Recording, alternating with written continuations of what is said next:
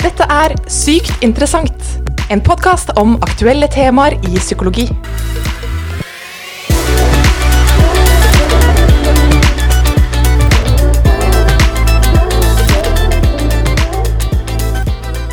Ny uke og ny episode av Sykt interessant. Mitt navn er Silje Berg, og i dag skal vi snakke om snus. Denne greia som mange av oss putter inn under leppa gjentatte ganger i løpet av en dag, eller som vi bommer av en venn når vi skal kose oss litt ekstra. Eller som vi kanskje faktisk har slutta med. Noen har kanskje aldri brukt eller prøvd, men du kjenner sannsynligvis noen som snuser. Uansett så skal vi i dagens episode se litt nærmere på denne snusinga, og særlig med tanke på det å faktisk eh, slutte. Og med meg på det så har jeg invitert min gode kollega og ikke minst snuser Pernille Krogh Torp. Hallo, hallo. Hei, Pernille. Du, jeg kunne ikke tenkt meg noe bedre enn deg å ha med på denne praten. For det første fordi vi begge kan mye om psykologien rundt helseatferd, men også fordi du selv snuser. Ja, det setter jeg stor pris på. Det er jo litt tøft å bli kasta under bussen såpass tidlig i episoden, men jeg må jo anerkjenne mine dårlige vaner. Og vittigheten av nettopp det kommer vi tilbake til senere i episoden. Ja, det er sant. Og vi har jo vært heldige og hatt besøk av deg i podden tidligere, men eh, vi kjører som alltid fast spalte. Er du klar? Yes. Så Pernille, hva innen psykologi driver du på med? Jeg er høyskolelektor i psykologi. Ja, hva ville du ikke klart deg uten, da? Nei, det blir vel eh, snus, det, da. Og så et spørsmål relatert til eh, dagens tema. Har du prøvd å slutte å snuse? Uff, ja. Jeg har prøvd flere ganger, eh, og jeg lurer på om alle forsøkene kanskje har vært litt sånn halvhjertet. Mm. Så jeg skylder meg selv å gi det en ordentlig sjanse en gang. Jeg må bare finne riktig tidspunkt. Ja. Og nettopp det tror jeg veldig mange kan kjenne seg igjen i. Og forhåpentligvis så kan vi skjønne greia litt mer etter dagens episode.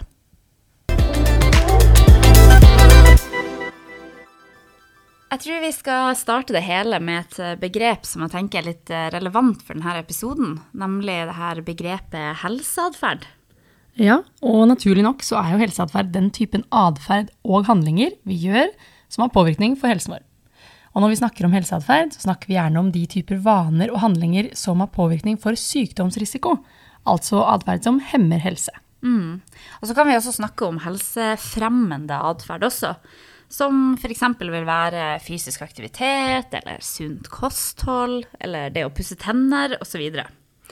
Men ofte så er det altså de helseatferdene som potensielt kan påvirke helsa vår i mer sånn negativ grad, som vi vier mest oppmerksomhet til. Rett og slett fordi vi i et folkehelseperspektiv ønsker at befolkninga skal unngå det eller minimere den type atferd. Og Eksempler på det kan jo være høyt alkoholkonsum, eller at man er veldig passiv og ikke i aktivitet, eller røyking, eller snusbruk. Ja, det er den eh, snusbruken, da. Eh, En undersøkelse gjennomført av Responsanalyse for apoteket Farmasiet kunne nemlig tidligere i år vise at én av tre mellom 18 og 35 år har forsøkt å slutte med snus, men ikke fått det til. Og ifølge Statistisk sentralbyrå så snuser omtrent 600 000 nordmenn i 2021. Ja, ikke sant? Det er jo en hel del. Og jeg kan jo tenke meg at mange av de som snuser, de har også til og med fått høre det flere ganger. Det her med at ah, kan du ikke bare slutte å snuse, da? Yes, bekrefter den. Og nettopp det spørsmålet tenkte vi jo derfor at vi skulle løfte litt opp i dag, sånn en gang for alle. Hvorfor det som ofte omtales som så enkelt, ja, det er jo bare å slutte, da, ikke kanskje er så enkelt likevel. I likhet med mye annet av det vi mennesker gjør, og måtene vi er på, og valgene vi tar, så ligger det jo en god dose psykologi bak det hele. Og snus, det er intet unntak. Nettopp. Og psykologien har jo faktisk flere mulige forståelsesrammer og perspektiver på hvordan vi kan forstå både helseatferd og også avhengighet. Og i dag skal vi ta for oss særlig ett perspektiv for å få litt mer tak i denne snusbruken vår. Ja, det blir veldig gøy. Og jeg kan jo oppfordre deg som lytter til å tenke litt over hvordan eh, dine egne helseatferder kan passe inn i det vi skal snakke om i dag. Om det er egen snusbruk eller en eh, annen type helsefremmende eller helsehemmende atferd. For de av dere som har lytta på podden før, så har kanskje en del fått med seg at jeg er usedvanlig glad i Pepsi Max. Og jeg skal i alle fall ha det litt i bakhodet mens eh, episoden ruller og går. Veldig bra. Men da skal jeg bare ta meg en snus, jeg, så går vi i gang.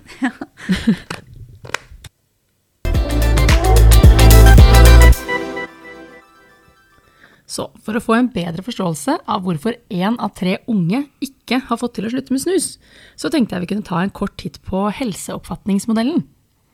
Denne modellen står veldig sentralt i helsepsykologien, og handler i utgangspunktet om hvordan folk oppfatter sin mulighet til å forebygge sykdom, og hvor utsatt de selv er for å få en sykdom. Mm, ja, denne modellen gir et slags uh, helhetlig perspektiv på flere prosesser som er med på å spille inn i ulike typer helseatferder. Som f.eks. snusing, som vi tar for oss i dag. Yes, og Grunntanken i modellen den består av uh, at trusselvurderinger, forventninger, såkalte utløsende moment for handling og mestringstro sammen bidrar inn i sannsynligheten for en atferd. Dette høres jo kanskje litt uh, avansert ut, men vi skal ta dere gjennom det steg for steg. Så aller først handler trusselvurderinger om mottakelighet for sykdom og alvorlighetsgraden av denne. Så hvor alvorlig er konsekvensen av snus, og hvor sannsynlig er det at jeg blir rammet av disse konsekvensene? Mm. Det neste i modellen det handler om forventninger til atferden, som da omfatter både fordeler og ulemper til den helseendrende atferden, som i dette tilfellet da kan være å slutte med snus. Og dette påvirkes jo av demografiske, psykososiale og strukturelle forhold, som f.eks. For kjønn, alder og sosial klasse. Så hvordan fordeler vil det innebære å slutte, og hvilke ulemper eller barrierer kan man møte på i prosessen med å slutte?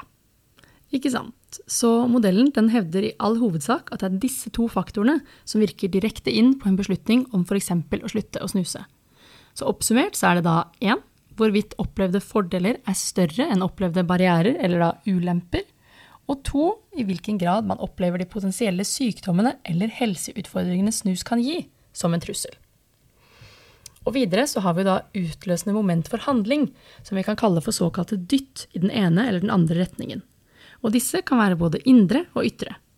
Eksempel så kan jo slutta-appen være et ytre dytt som kan bidra til snusslutt, mens personens viljestyrke kan være et indre dytt som bidrar mot samme retning. Mm. Og så har vi da mestringstro, eh, som også kan være med på å påvirke i denne sammenhengen. Å tro at du faktisk vil mestre noe, vil også bidra til at du faktisk vil mestre det. Og dersom du tror du ikke vil klare å slutte å snuse, så vil dette kunne være et hinder for å få til å slutte. Mm. Ok, så da har vi sett litt sånn overordna på denne modellen, og nå skal vi se litt mer spesifikt på hvorfor akkurat snus kan være vanskelig å slutte i lys av helseoppfatningsmodellen.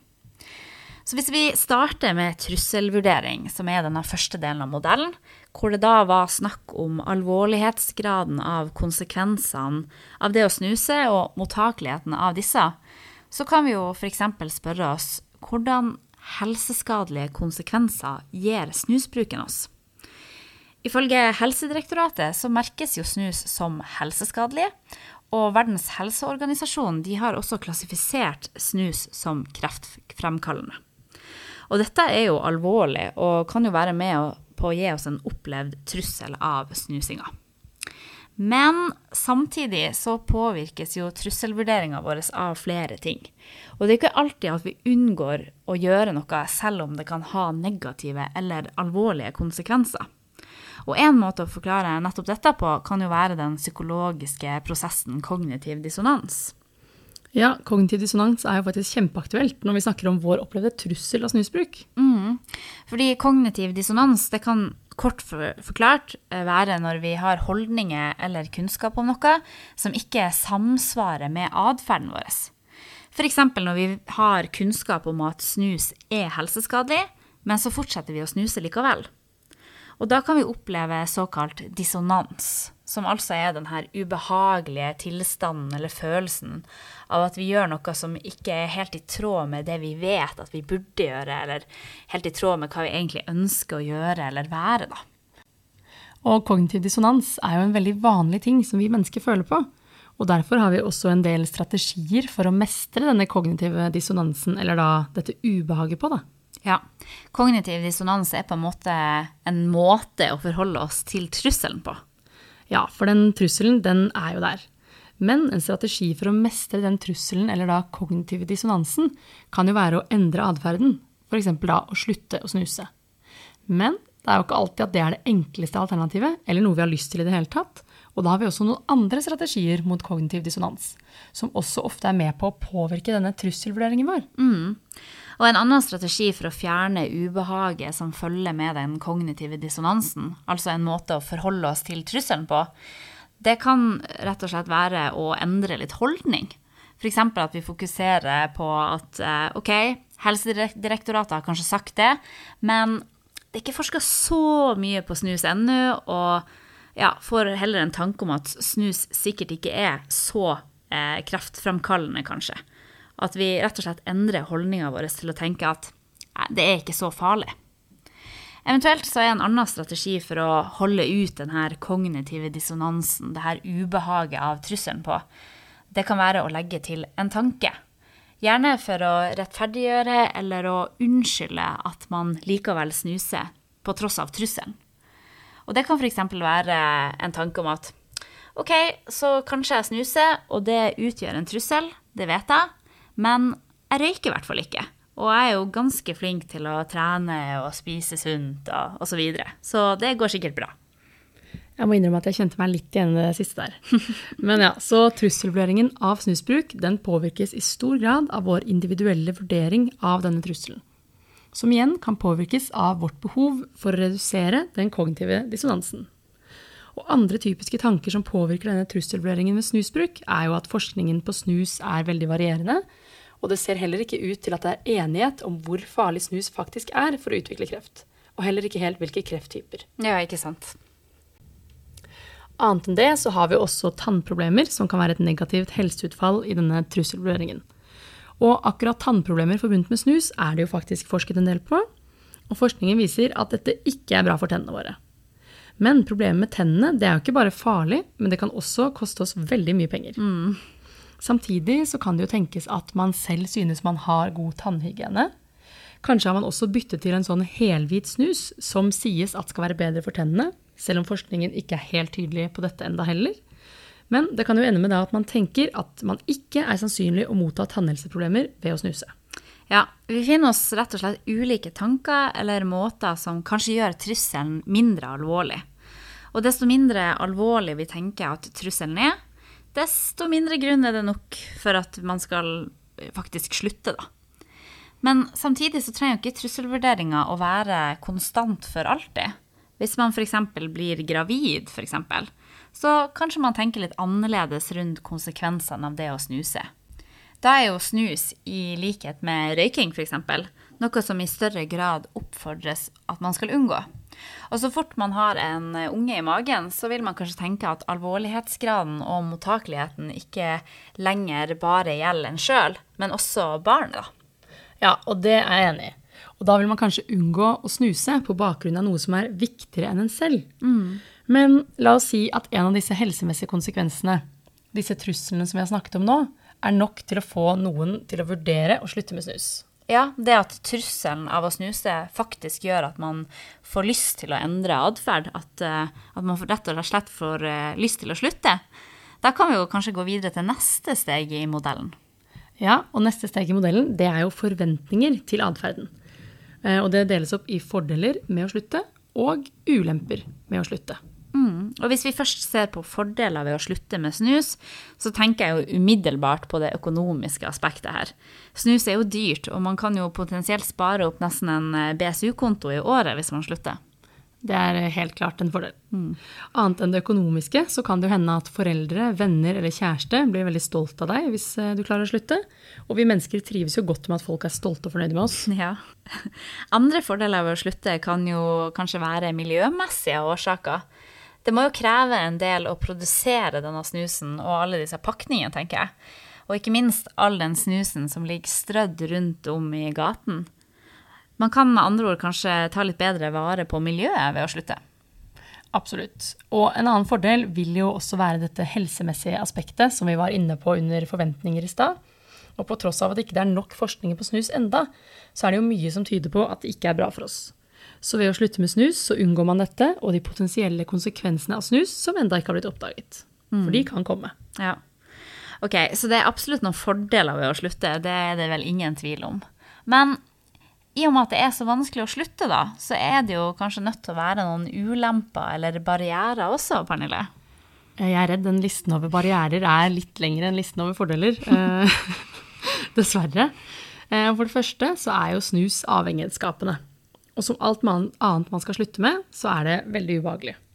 Det krever jo en innsats av den som skal slutte, og man må klare å stå i det fysiske og psykiske ubehaget det er å slutte med noe som kroppen er avhengig av. Dårlig humør, cravings, ikke minst abstinenser. Mm, ja.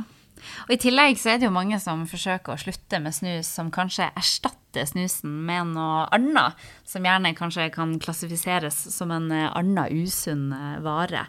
Som f.eks. at man eh, kompenserer med mer alkohol eller mer godteri. Og at man kanskje tenker da at det er ulempe faktisk å slutte å snuse, for da får man kanskje mer av en annen usunn vane. Ja, det tror jeg mange faktisk tenker. Og en annen ting som kan oppleves som en barriere, det er jo at snus for mange er knyttet opp mot festkultur. Mm. At å dra på fest ikke er det samme uten å kunne ta seg en snus. Eller at man ikke klarer å takke nei til snus på fest. Eller at man rett og slett trenger den snusen for å komme i festhumør. Ja, så disse forventningene av eh, både fordeler og ulemper vil altså være med på å påvirke denne prosessen, og man kanskje syns det er verdt å slutte med snus. Så absolutt. Og da har vi jo kommet til det neste steget i denne helseoppfatningsmodellen, nemlig det som kalles for utløsende moment for handling. Disse dyttene vi var innom i stad, som påvirker atferden din enten mot å fortsette å snuse eller å slutte å snuse. Mm. Og her snakker vi om at sånne dytt de kan være både indre og ytre dytt.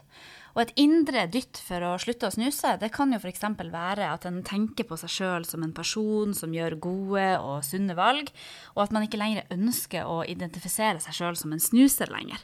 Det kommer liksom innenfra dette ønsket og dytten om å slutte. Men samtidig så kan det jo også være indre dytt som taler for å fortsette å snuse. Ja. F.eks. at man tenker at det snart er eksamenstid, at det derfor er viktig å ha snusen med seg gjennom den krevende tiden eller at det er sommer, eller at det er jul, eller at man kanskje snart skal på ferie, eller Ja, vi venter gjerne på det her perfekte tidspunktet til å slutte å snuse på. Men så er realiteten kanskje sånn at det finnes sjelden et perfekt tidspunkt å slutte på. Og det kan jo hende at en sånn tanke lurer oss mer til å utsette det enn å faktisk ta tak og slutte. Men vi har jo også de ytre dyttene som kan dytte oss mot å slutte eller å fortsette å snuse. Og ytre dytt for å slutte å snuse, det kan jo f.eks. være at snusboksene ble endret til å ha styggere farger, i håp om å minimere salget. Som kanskje ikke ga helt den ønska effekten som eh, helseministeren ønska. Nei, det kan du si. De ble jo nesten trendy. Ja. Men typiske ytre dytt som gjør at vi kanskje velger å fortsette å snuse, det kan jo være at man har venner rundt seg som spør om jeg vil bomme en snus. Eller ikke minst at prisen på snus har gått ned. Ja, Den prisnedgangen på snus er jeg redd for eh, at blir et sånn ytre dytt som kan argumentere for å fortsette å snuse. Og ikke minst kanskje ta vekk noe av den tyngden i de her oppfatta fordelene med å slutte. Nemlig det å kunne spare penger når det uansett blir rimeligere. Ja, her dyttes det i flere retninger. Eh, og som det så fint tydeliggjøres gjennom denne helseoppfatningsmodellen, det er ikke bare rett frem eh, dette med å slutte å snuse. Nei, nettopp. Og som modellen har tatt oss igjennom nå, trusselvurderinger, forventninger til fordeler og ulemper, og ikke minst dytt fra både indre og ytre faktorer i ulike retninger, så er det mange ting som virker inn. Men så har vi en eh, siste del av denne modellen også, Pernille.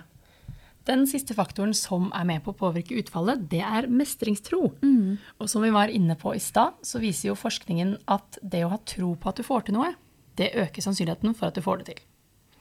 Det virker med andre ord nokså avgjørende at man har en tro på egen mestring for å slutte, for at man faktisk skal få til å slutte. Mm, ikke sant?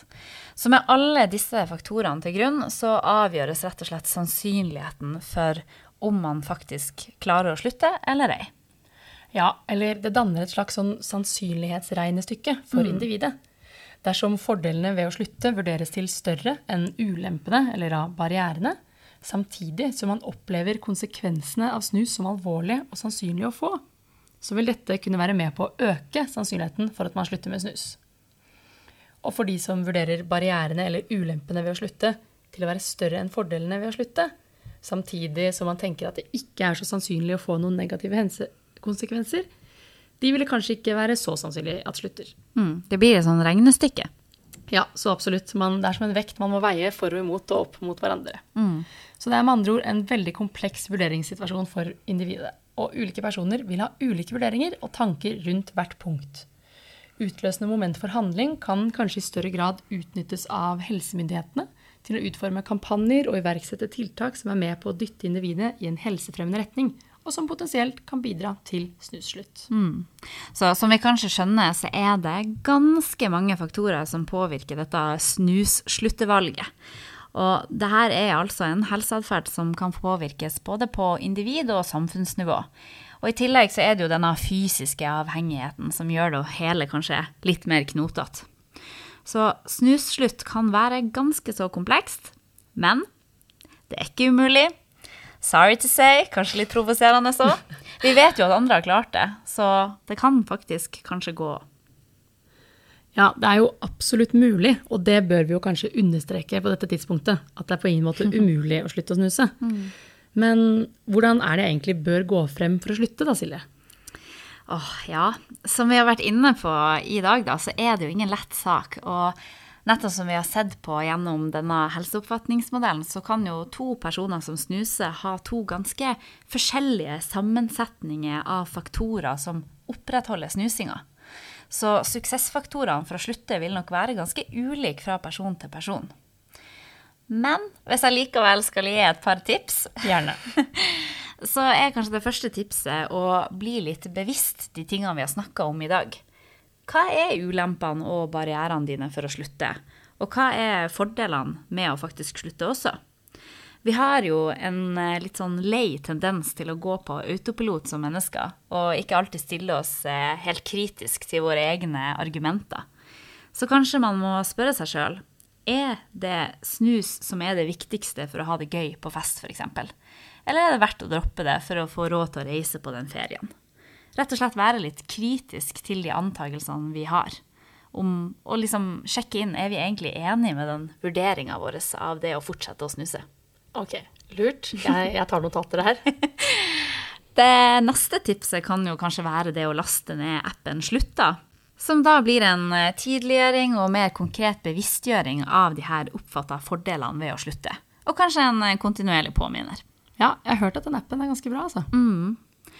Et eh, tredje tips det kan være at eh, på den dagen du bestemmer deg for å slutte, så slutt helt. Og grunnen til at jeg sier nettopp det, er fordi at snus er jo et avhengighetsvirkende eh, substans. Og denne avhengigheten vil gi deg både tvil når selve sluttdagen kommer, og så vil den også kanskje prøve å fortelle deg at du bør utsette det og slutte, eller kanskje tillate deg å snuse litt innimellom, f.eks. på fest.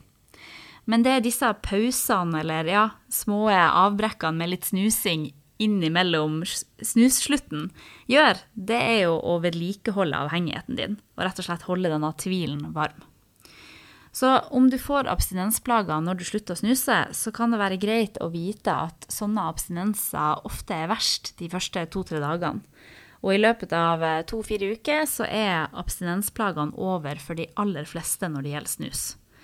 Og det kan jo være lurt å huske på når abstinensene banker på døra.